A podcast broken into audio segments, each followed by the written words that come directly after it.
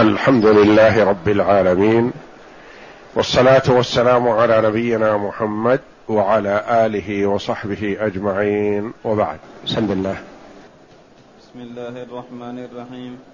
الحمد لله رب العالمين والصلاة والسلام على نبينا محمد وعلى آله وصحبه أجمعين.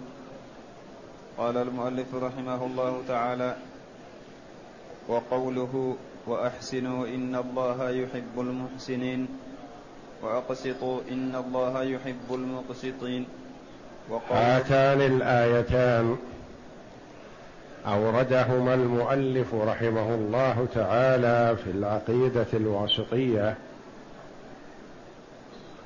لإثبات صفة المحبة لله جل وعلا مع ست آيات تأتي بعدهما.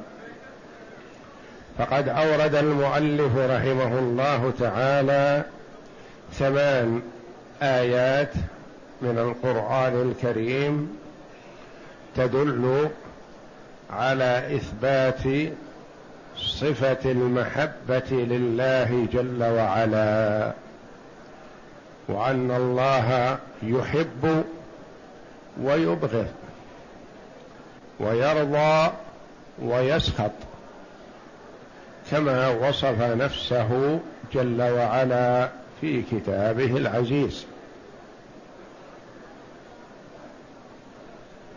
فهو جل وعلا يحب المحسنين ويحب المقسطين ويحب التوابين ويحب المتطهرين. ويحب من يتابع النبي صلى الله عليه وسلم ويطيعه. فهو جل وعلا يحب وصفة المحبة لله جل وعلا كبقية صفاته سبحانه. على ما يليق بجلاله وعظمته. وأهل السنة والجماعة الذين هم أتباع المصطفى صلى الله عليه وسلم وسط بين طائفتين ضالتين. وهكذا دائما الحق يكون هو الوسط. بين الإفراط والتفريط بين الزيادة والنقص. لا غلو ولا تفريط. فهناك طائفتان ضالتان. طائفة غلت في الإثبات فشبهت وطائفة غلت في التنزيه وجاوزت الحد فعطلت.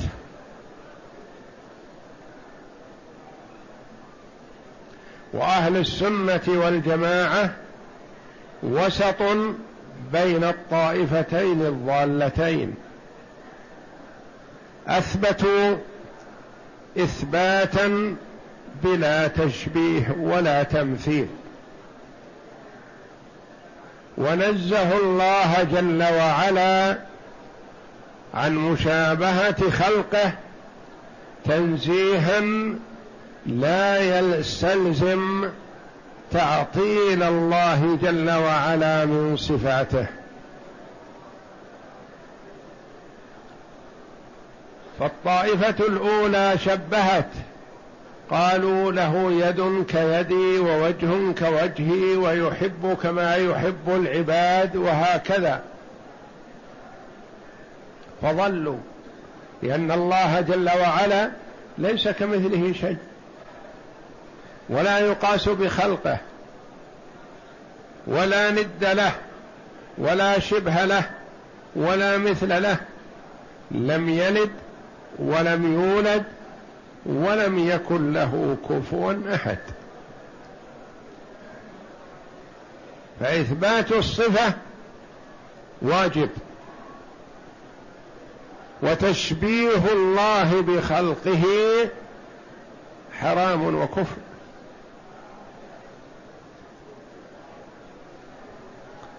والطائفة الأخرى قالوا لو أثبتنا لوقعنا فيما وقعت فيه المشبهة ولكن ننفي الصفة. لا يوصف يقولون لا يوصف الله بالمحبة ولا بالبغض ولا بالكراهية ولا بالرضا ولا بالسخط. ولما؟ وقد أثبت الله جل وعلا ذلك لنفسه. وهل هناك أحد أعلم بالله من الله؟ تعالى الله. وهل هناك أحد من الخلق أعلم بالله من رسول الله صلى الله عليه وسلم؟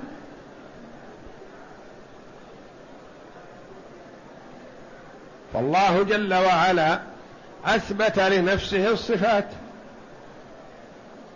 كما أن الرسول صلى الله عليه وسلم أثبت لربه الصفات.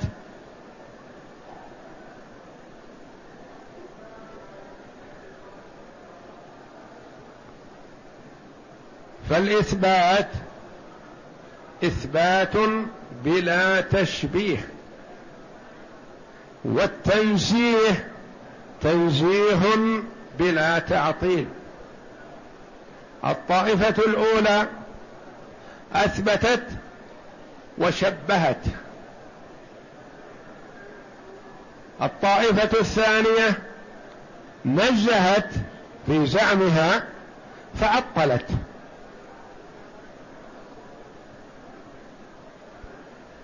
أهل السنة والجماعة أثبتوا إثباتا لا يترتب عليه تشبيه.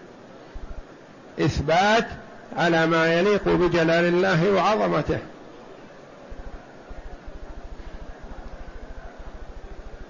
ونزه الله جل وعلا عن مشابهة المخلوقين تنزيها لا يترتب عليه تعطيل الله من صفاته.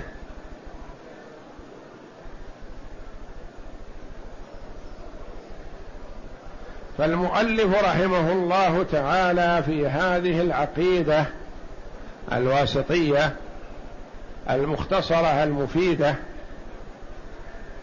ساق فيها وأورد فيها مذهب أهل السنة والجماعة الذي يجب على المسلم الأخذ به وعليه أن يحذر أن يقع فيما وقع فيه الضالون.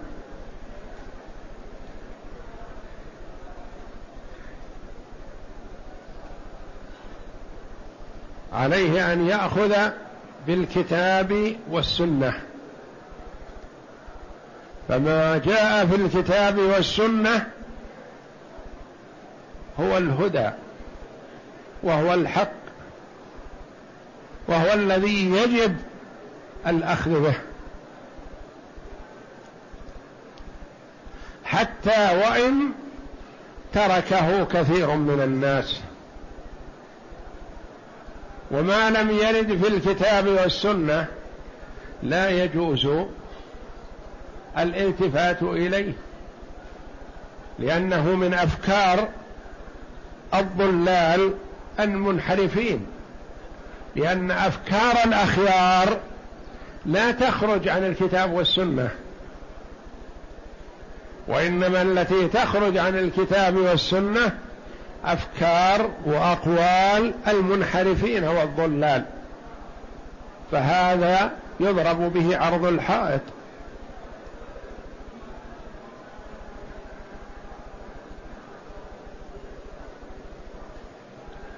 وهو رحمه الله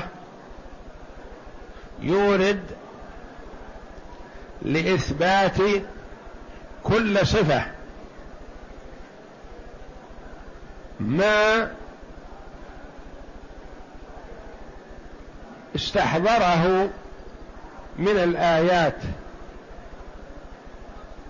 ولا يستكمل كل الآيات وإنما يأتي بما يدل على ثبوت هذه الصفة. ثم يأتي فيما بعد إن شاء الله الإثبات من السنة.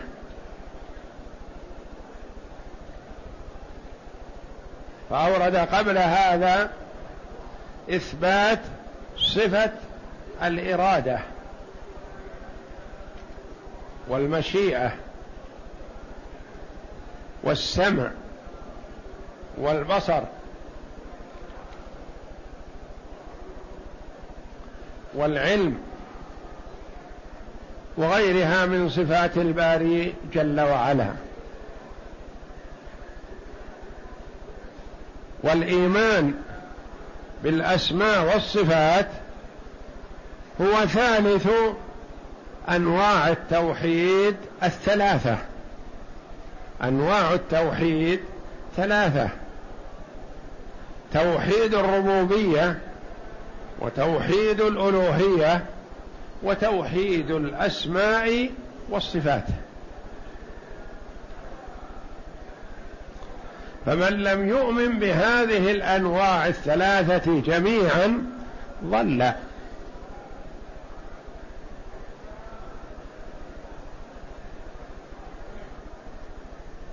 لا بد من الإيمان بها كلها.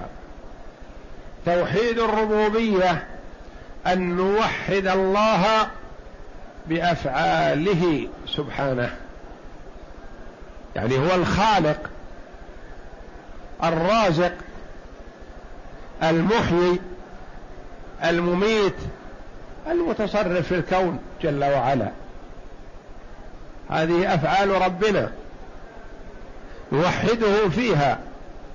فلا نقول هناك خالق مع الله أو هناك رازق مع الله أو هناك متصرف في الكون مع الله. تعالى الله. النوع الثاني من أنواع التوحيد وهو توحيد الألوهية. يعني أن نؤله الله جل وعلا. وهو توحيد الله بأفعالنا. يعني نجعل أفعالنا له وحده. توحيد ويسمى توحيد العبادة ويسمى توحيد الطلب والقصد.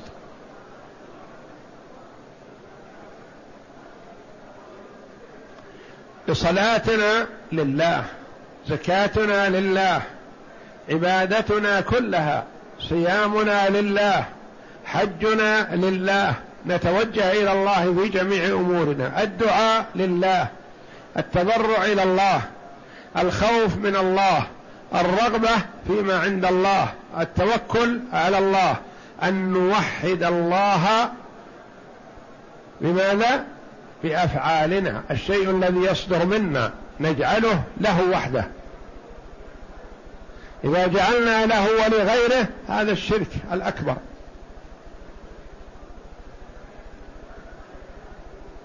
وهذا النوع من أنواع التوحيد هو الذي أنكره كفار قريش. وقالوا كما قال الله جل وعلا عنهم أجعل الآلهة إلها واحدا إن هذا لشيء عجاب. لأن عندهم في الكعبة شرفها الله ثلاثمائة وستون صنم تعبد من دون الله والعياذ بالله. والأصنام عندهم متفاوتة. في أصنام كبار ولها هيبة ووقار أعظم وأصنام سهلة. فآلهتهم كثيرة.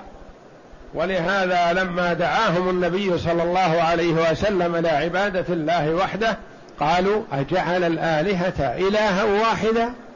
كل هذه يتركها؟ إن هذا لشيء عجاب. وقالوا ما نعبدهم إلا ليقربونا إلى الله زلفى. يعترفون بالله أنه هو الخالق الرازق المحيي المميت. وكما قال الله جل وعلا فإذا ركبوا في الفلك دعوا الله مخلصين له الدين. عند الشدة يتوجهون إلى الله وحده يعرفون ما ينقذهم إلا الله آلهتهم ما تنفعهم. لكن يقولون هذه الآلهة نعبدهم ليقربونا إلى الله. كيف تطلبون أحدا يقربكم إلى الله؟ والله جل وعلا يقول في كتابه العزيز وإذا سألك عبادي عني فإني قريب أجيب دعوة الداعي إذا دعان فليستجيبوا لي وليؤمنوا بي لعلهم يرشدون. كيف تجعل بينك وبين الله حجر؟ تعبد الحجر ليقربك إلى الله؟ أو شجر أو صنم أو ميت أو نوح أو مجموعة من التمر يجعلها وينصبها أمامه ويسجد لها ويصلي لها فإذا جاء أكلها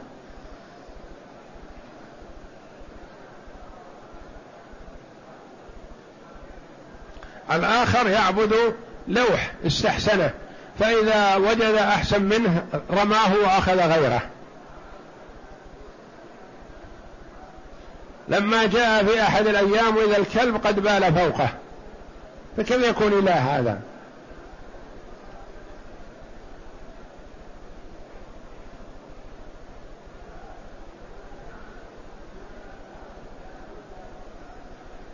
فالتوحيد النوع الثاني من أنواع التوحيد أن نوحد الله جل وعلا فيما يصدر منا من العبادة. النوع الثالث من أنواع التوحيد توحيد الأسماء والصفات. أن نوحد الله جل وعلا بأسمائه وصفاته. نثبت لله ما أثبته لنفسه من صفات الكمال وننفي عن الله جل وعلا جميع صفات النقص والعيب. ونفصل فيما فصله الله جل وعلا. لم يلد ولم يولد ولم يكن له كفوا أحد. لا تأخذه سنة ولا نوم. ونجمل فيما لم يفصله الله جل وعلا ولم يرد تفصيله عن الرسول صلى الله عليه وسلم. فنقول ليس كمثله شيء. الإثبات توقيفي يعني نتوقف على ما ورد في الكتاب والسنة. هو الأول والآخر والظاهر والباطن وهو بكل شيء عليم.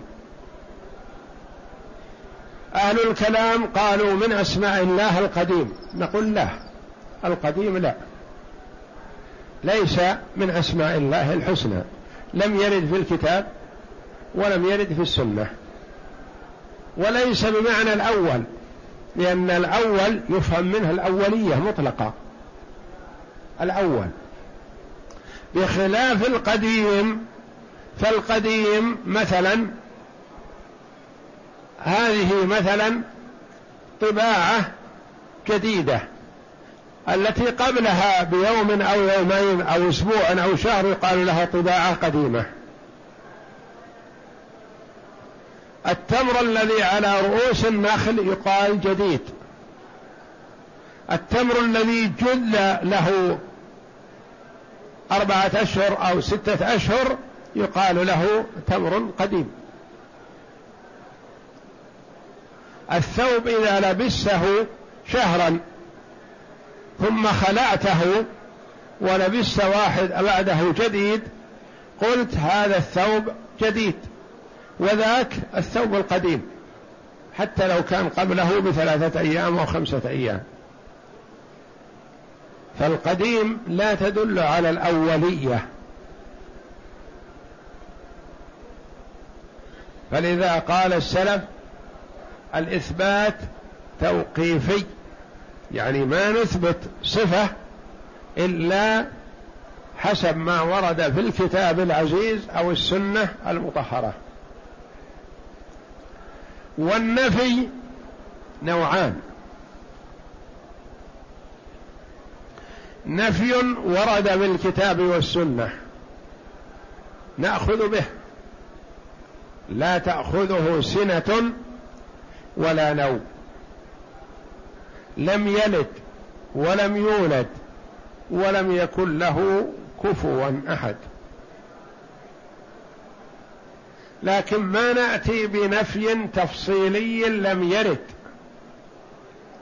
ما نقول ليس كذا وليس كذا وليس كذا وليس كذا بأوصاف ما وردت. لا.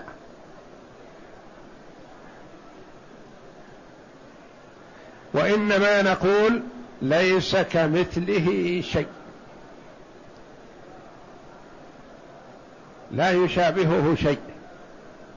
لا ند ولا شبه ولا مثل. فالإيمان بتوحيد الأسماء والصفات أن نوحد الله جل وعلا بأسمائه الحسنى وصفاته العلى.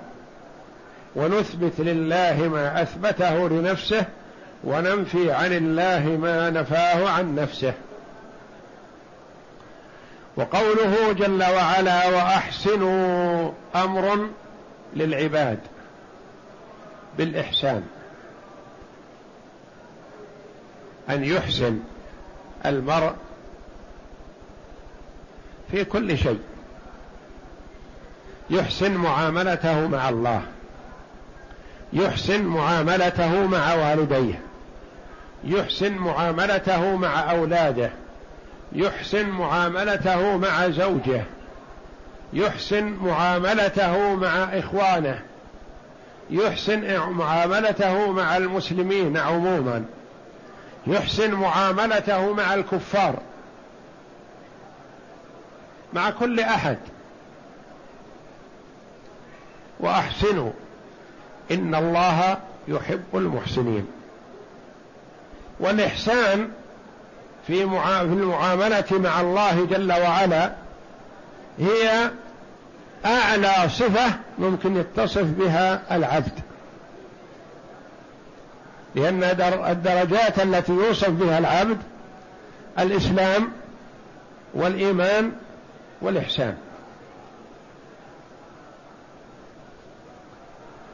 والإحسان فسره النبي صلى الله عليه وسلم بقوله أن تعبد الله كأنك تراه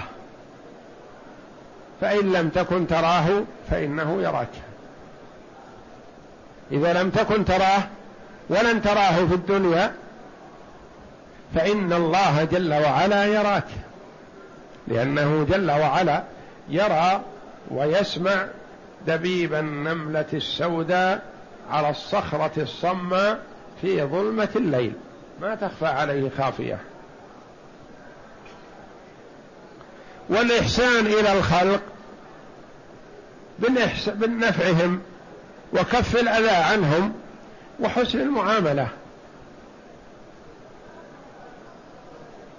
وأحسنوا إن الله يحب المحسنين. هنا فيه إثبات صفة المحبة لله جل وعلا. إن الله يحب يخبر عن نفسه جل وعلا بأنه يحب المحسنين. فهل يليق بعد أن يقول الله جل وعلا وأحسنوا إن الله يحب المحسنين؟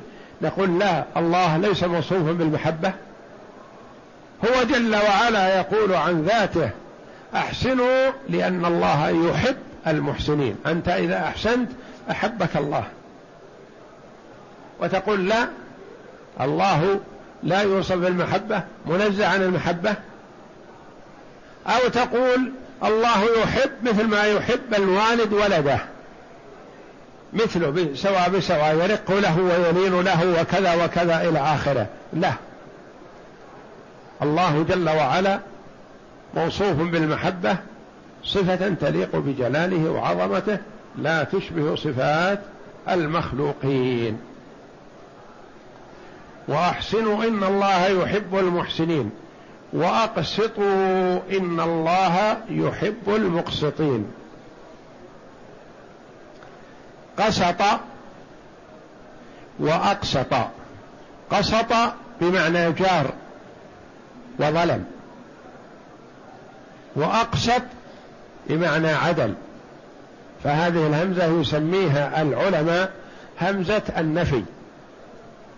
تنفي المعنى الأول بمعنى جديد.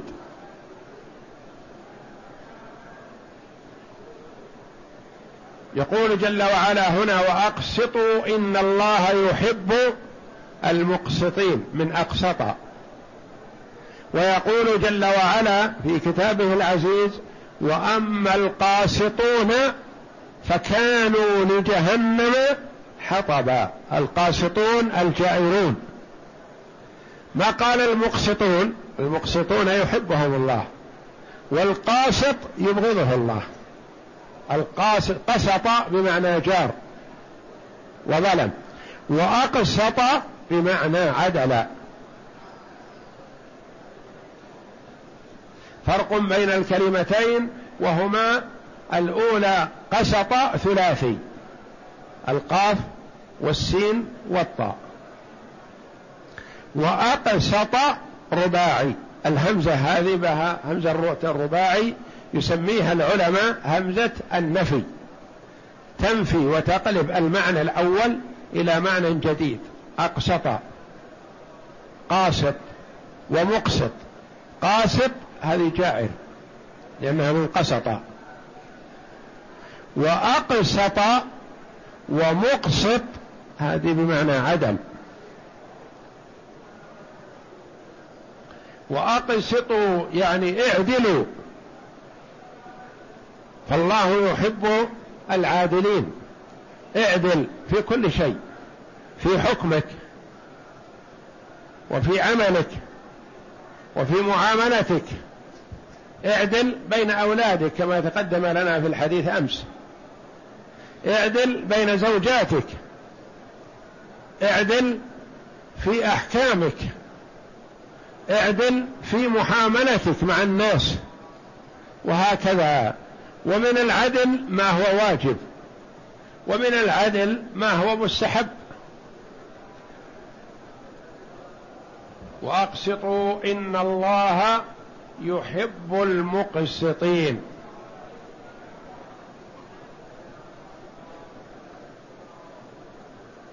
ففي الآيتين إثبات صفة المحبة لله جل وعلا. اقرأ.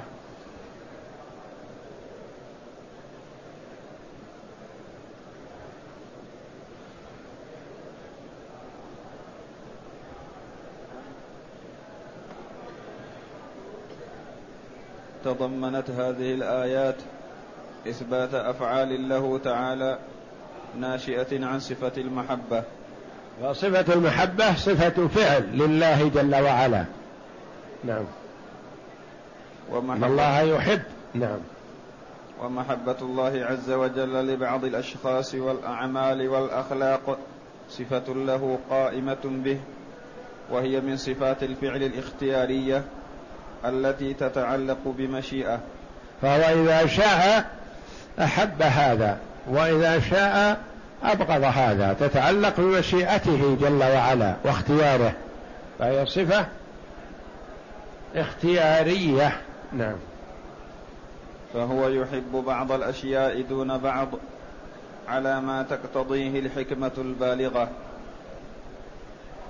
وينفي الأشاعرة والمعتزلة صفة المحبة. الأشاعرة والمعتزلة ينفون صفة المحبة.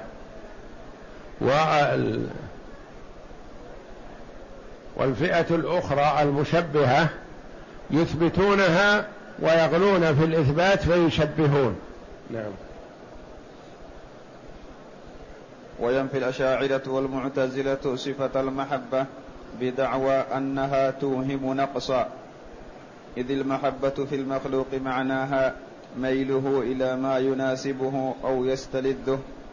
هذا كلام بالنسبة للمخلوق صحيح. هو يحب الشيء الذي يناسبه ويميل إليه. لكن صفة الله جل وعلا ليست كصفة المخلوق. كما أن علم الله جل وعلا ليس كعلم المخلوق. كما أن قدرة الله جل وعلا ليست كقدرة المخلوق وهكذا. نعم. فأما الأشاعرة فيرجعونها إلى صفة الإرادة. يقولون يريد ثوابه أو يريد عقابه. نعم. فيقولون إن محبة الله لعبده لا معنى لها إلا إرادته لإكرامه ومثوبته. وكذلك يقولون في صفات الرضا والغضب والكراهية والسخط كلها عندهم بمعنى إرادة الثواب والعقاب. وأما المعتزلة فلأن فإنهم لا يثبتون إرادة قائمة به فيفسرون المحبة بأنها نفس الثواب الواجب عندهم على الله. يقول الله ليس موصوف بالمحبة لكن يجب على الله أن يثيب المطيع. لا يسأل عما يفعل وهم يسألون. إلا شيء أوجبه الله جل وعلا على نفسه أو حرمه على نفسه جل وعلا يا عبادي إني حرمت الظلم على نفسي وجعلته بينكم محرما. المعتزلة لا يثبتون إرادة قائمة به فيفسرون المحبة بأنها نفس الثواب. يقولون فلان يجب على الله أن يثيبه. هل الله يحبه؟ يقول لا ما نثبت المحبة لله لكن يجب على الله أن يثيبه ويدخله الجنة. لأنه كذا وكذا. نعم. فيفسرونه. وأما المعتزلة فلأنهم لا يثبتون إرادة قائمة به فيفسرون المحبة. لأن الأشاعرة يثبتون الإرادة فقالوا في المحبة إرادة الثواب حولوها إلى الصفة الأخرى. المعتزلة لا يثبتون لا إرادة ولا محبة ولا رضا ولا شيء من صفات الباري جل وعلا التي وردت في الكتاب والسنة. نعم. فيفسرون المحبة بأنها نفس الثواب الواجب عندهم على الله لهؤلاء بناء على مذهبهم في وجوب إثابة المطيع وعقاب العاصي. يقول يجب على الله أن يثيب المطيع فإثابته للمطيع هذه هو المراد بالمحبة. ويجب على الله أن يعاقب العاصي لأنهم يقولون صاحب الكبيرة إذا مات هو خالد مخلد في النار. ما يغفر له. ويجب على الله أن يعذبه. وجوب. ولا يسمحون لله جل وعلا بأن يعفو عمن شاء. تعالى الله. نعم. والنبي صلى الله عليه وسلم يقول شفاعتي لأهل الكبائر من أمتي. هم يقولون لا صاحب الكبيرة ما في مجال. الله جل وعلا يحرم عليه أن يخرجه من الجنة من النار إلى الجنة. يجب على الله أن يعذبه لأنه مات سارق أو مات زاني أو نحو ذلك. نعم. وأما أهل الحق فيثبتون المحبة صفة حقيقية لله عز وجل على ما يليق به فلا تقتضي عندهم نقصا ولا تشبيها. ما تقتضي نقص. لأنها تليق بالله. جميع صفات الله جل وعلا ما تقتضي نقص لأن الله جل وعلا منزه عن النقص والعيب وهو أثبت لنفسه الصفات التي تليق بجلاله. نعم. كما يثبتون لازم تلك المحبة وهي إرادته سبحانه إكرام من يحبه وإثابته. يعني يقول الإكرام والثواب هذا من لوازم المحبة لأن الله إذا أحب عبدا أكرمه إذا أحب عبدا أثابه. ما نقول المحبة هي الإكرام وإنما نقول المحبة صفة قائمة بالله جل وعلا. ومن لوازم محبة الله جل وعلا لعبده أنه يثيبه ويرضى عنه ويدخله الجنة. نعم.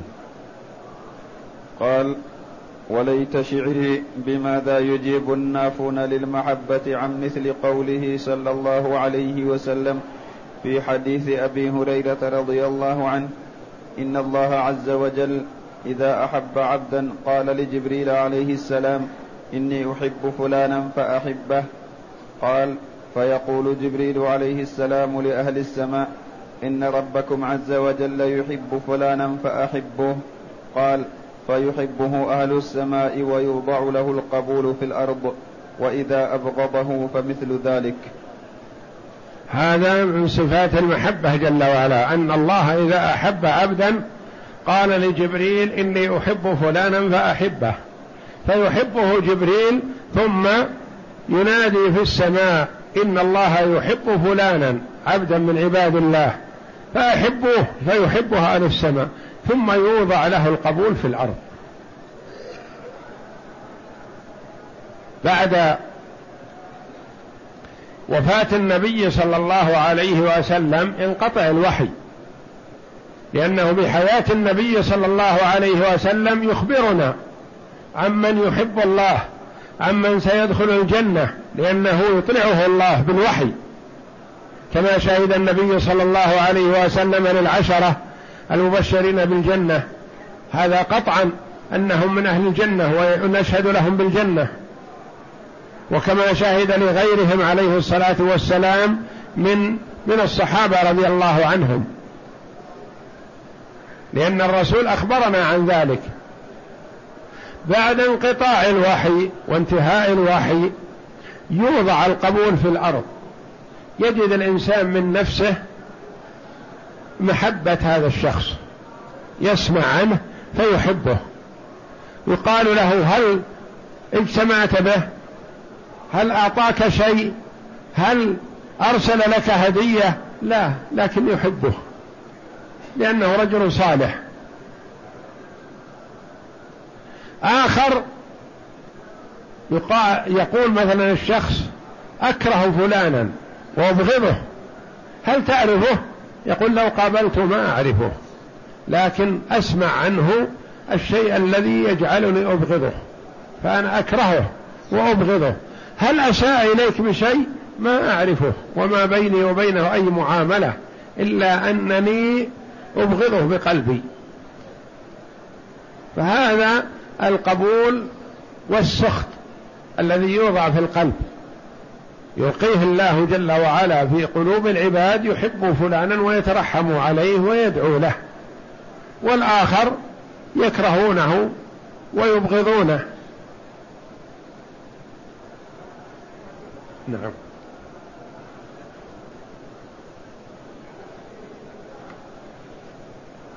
وقوله تعالى في الآية الأولى وأحسنوا أمر بالإحسان العام في كل شيء. لا سيما في النفقة المأمور بها قبل ذلك والإحسان فيها بكون يكون بالبذل وعدم الإمساك أو بالتوسط بين التقتير والتبذير وهو القوام الذي الإحسان في كل شيء لكن قد يكون آكد في ما أمر به قبلها الأمر بالإنفاق والنفقة. وإلا كما قال عليه الصلاة والسلام إن الله إذا قتلتم فأحسنوا القتلة وإذا ذبحتم فأحسنوا الذبحة وليحد أحدكم شفرته وليرح ذبيحته. حتى في القتل إذا قتلت مثلا من يجب عليه القصاص فتقتله قتلا سريعا مريحا محسنا فيه. لا تقطعه مفصل مفصل وهو حي. إذا قتلتم فأحسنوا القتلة. وإذا ذبحتم إذا ذبحت الشاة أو البقرة أو البعير فأحسن الذبحة. ائت بسكين قوية تنجزه ويستريح. وإذا ذبحتم فأحسنوا الذبح وليحد أحدكم شفرته وليرح ذبيحته. نعم. والإحسان بالتوسط قال بين التقتير والتبذير. التبذير منهي عنه والتقتير والشح ومنع الواجب منهي عنه والوسط. والذين إذا أنفقوا لم يسرفوا ولم يقتروا وكان بين ذلك قواما. نعم. وهو القوام الذي أمر الله به في سورة الفرقان. روى مسلم في صحيحه وكان بين ذلك قواما. نعم. روى مسلم في صحيحه عن شداد بن أوس رضي الله عنه أن رسول الله صلى الله عليه وسلم قال إن الله كتب الإحسان على كل شيء فإذا قتلتم فأحسنوا القتلة وإذا ذبحتم فأحسنوا الذبحة وليحد أحدكم شفرته وليرح ذبيحته وأما قوله إن الله يحب المحسنين فهو تعليل للأمر بالإحسان فإنهم إذا علموا أن الإحسان موجب لمحبته سارعوا إلى امتثال الأمر به. يعني العبد إذا علم أن الله يحب كذا يسارع إليه. إذا علم أن الله يحب التوابين ويحب المتطهرين سارع بالتوبة وسارع بالتطهر. والله جل وعلا أثنى على أهل قبى بهذا فقال النبي صلى الله عليه وسلم لأهل قبى ما هذا الطهور الذي أثنى الله عليكم به؟ في قوله تعالى فيه رجال يحبون أن يتطهروا مسجد قبى والله يحب المطهرين. ما هذا الطهور الذي أثنى الله عليكم به؟ قالوا يا رسول الله إنا نتبع الحجارة الماء. يعني إذا استنجى الواحد منا إذا بال أو تغوط يستجمر بالحجارة أول. ثم يستنجي بالماء. فتكون الطهارة كاملة. نعم. وأما قوله في الآية الثانية وأقسطوا فهو أمر بالإقساط. وهو العدل في الحكم بين الطائفتين المتنازعتين من المؤمنين وهو من قسط إذا جار فالهمزة فيه للسلب. الهمزة فيه للسلب يعني للنفي. نعم. ومن أسمائه تعالى المقسط. المقسط وهو العدل سبحانه وتعالى. نعم. وفي الآية الحث على العدل وفضله وأنه سبب لمحبة الله عز وجل. والله أعلم وصلى الله وسلم وبارك على عبده ورسول نبينا محمد وعلى آله وصحبه أجمعين.